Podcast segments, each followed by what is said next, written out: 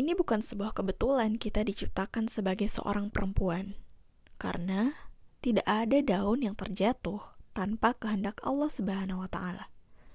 Tapi kita sebagai perempuan, apakah kita mengetahui sebetulnya apa alasan dibalik diciptakannya seorang perempuan di muka bumi ini? Sebuah keharusan bagi kita untuk mengerti dan memahami apa sebetulnya sebab kita hadir di tengah kehidupan Yuk, kita sama-sama belajar di podcast ini.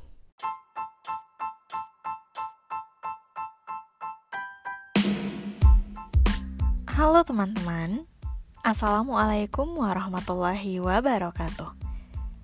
Balik lagi kita di podcast Aisyah Talk. Di podcast ini kita akan ngobrolin seputar ilmu kehidupan. Di sini bersama Aisyah yang akan menemani teman-teman di setiap episode So, tetap di sini dan jangan ke mana-mana.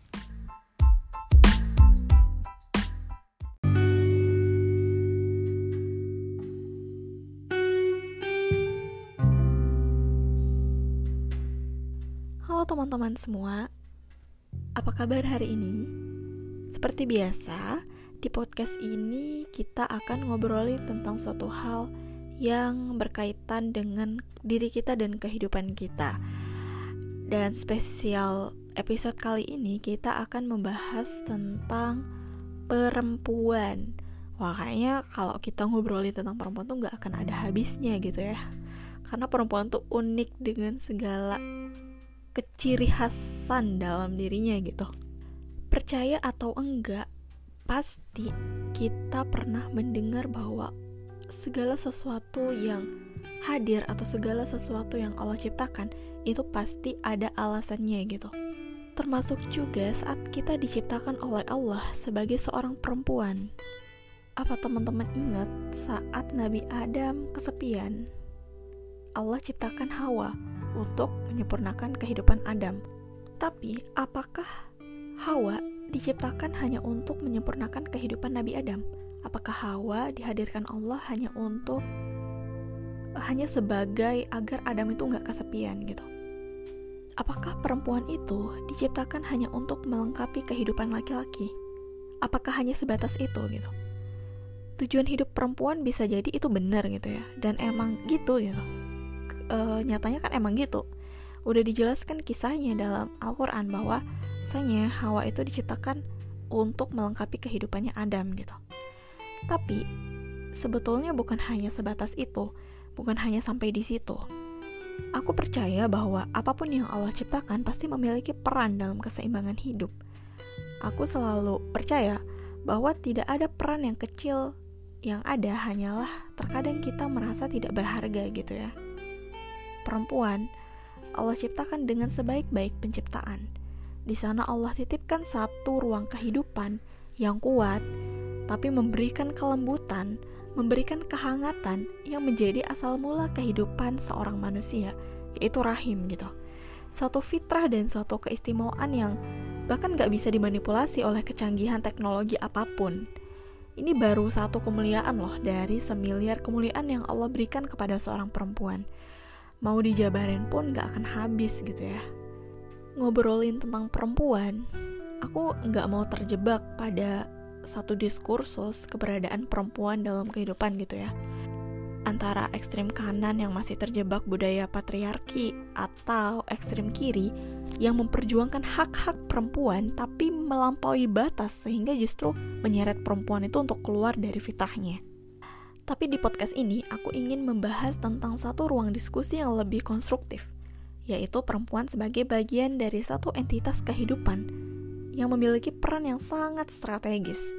Bukan hanya di dalam rumahnya, perempuan sebagai penyejuk mata suaminya, sebagai penjaga harta suaminya, bahkan sebagai madrasah utama bagi anak-anaknya. Namun juga perempuan berperan penting dalam membangun peradaban. Perempuan bisa menguasai pola pendidikan anak, tapi juga bisa menguasai ilmu di bidangnya. Perempuan itu bisa jadi istri yang cekatan gitu ya, ngurus pekerjaan rumah segala macam cuci piring, cuci baju, bersihin rumah, beres-beres. Tapi juga bisa jadi public expert yang hebat dalam profesinya. Di bidang spesialisasi ilmunya gitu ya. Perempuan itu sibuk ngurus keluarganya nih, dalam waktu yang bersamaan, dia masih bisa memikirkan orang banyak gitu. Perempuan bisa jadi sangat memahami secara detail realitas kehidupan masyarakat. Sekaligus dia memiliki pemahaman yang menyeluruh tentang sistem nilai yang ideal. Dan hebatnya lagi, perempuan itu punya mindset dalam skala peradaban. Kita lihat betapa Allah kasih kekuatan yang sangat besar kepada perempuan untuk melakukan dan memikirkan hal-hal yang strategis yang memberikan impact bagi kehidupan gitu. Aku bukannya ingin uh, ngebuat para perempuan ngerasa superior gitu ya. Tapi aku ingin mengetuk pintu kesadarannya teman-teman bahwa perempuan itu memiliki kesempatan yang sama dengan laki-laki untuk berbuat banyak kebaikan, untuk melakukan banyak eksplorasi kehidupan yang sangat luas gitu, meski dengan ritme dan porsi yang berbeda tentu saja. Bukankah Allah tidak membedakan peranan laki-laki dan perempuan dalam kehidupan? Wal mu'minuna wal mu'minat ba'duhum awliya'u ba'din ya'muruna bil ma'ruf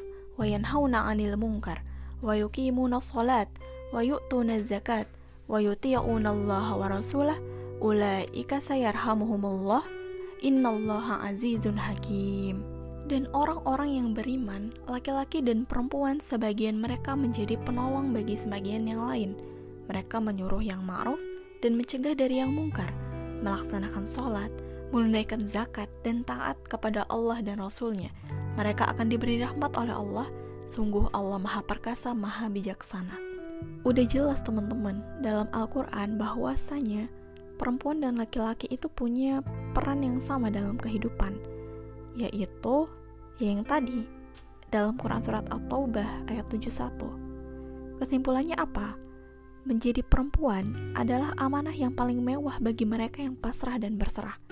Seperti embun di pagi hari, dia tidak pernah memilih di ujung daun mana ia harus bersinar.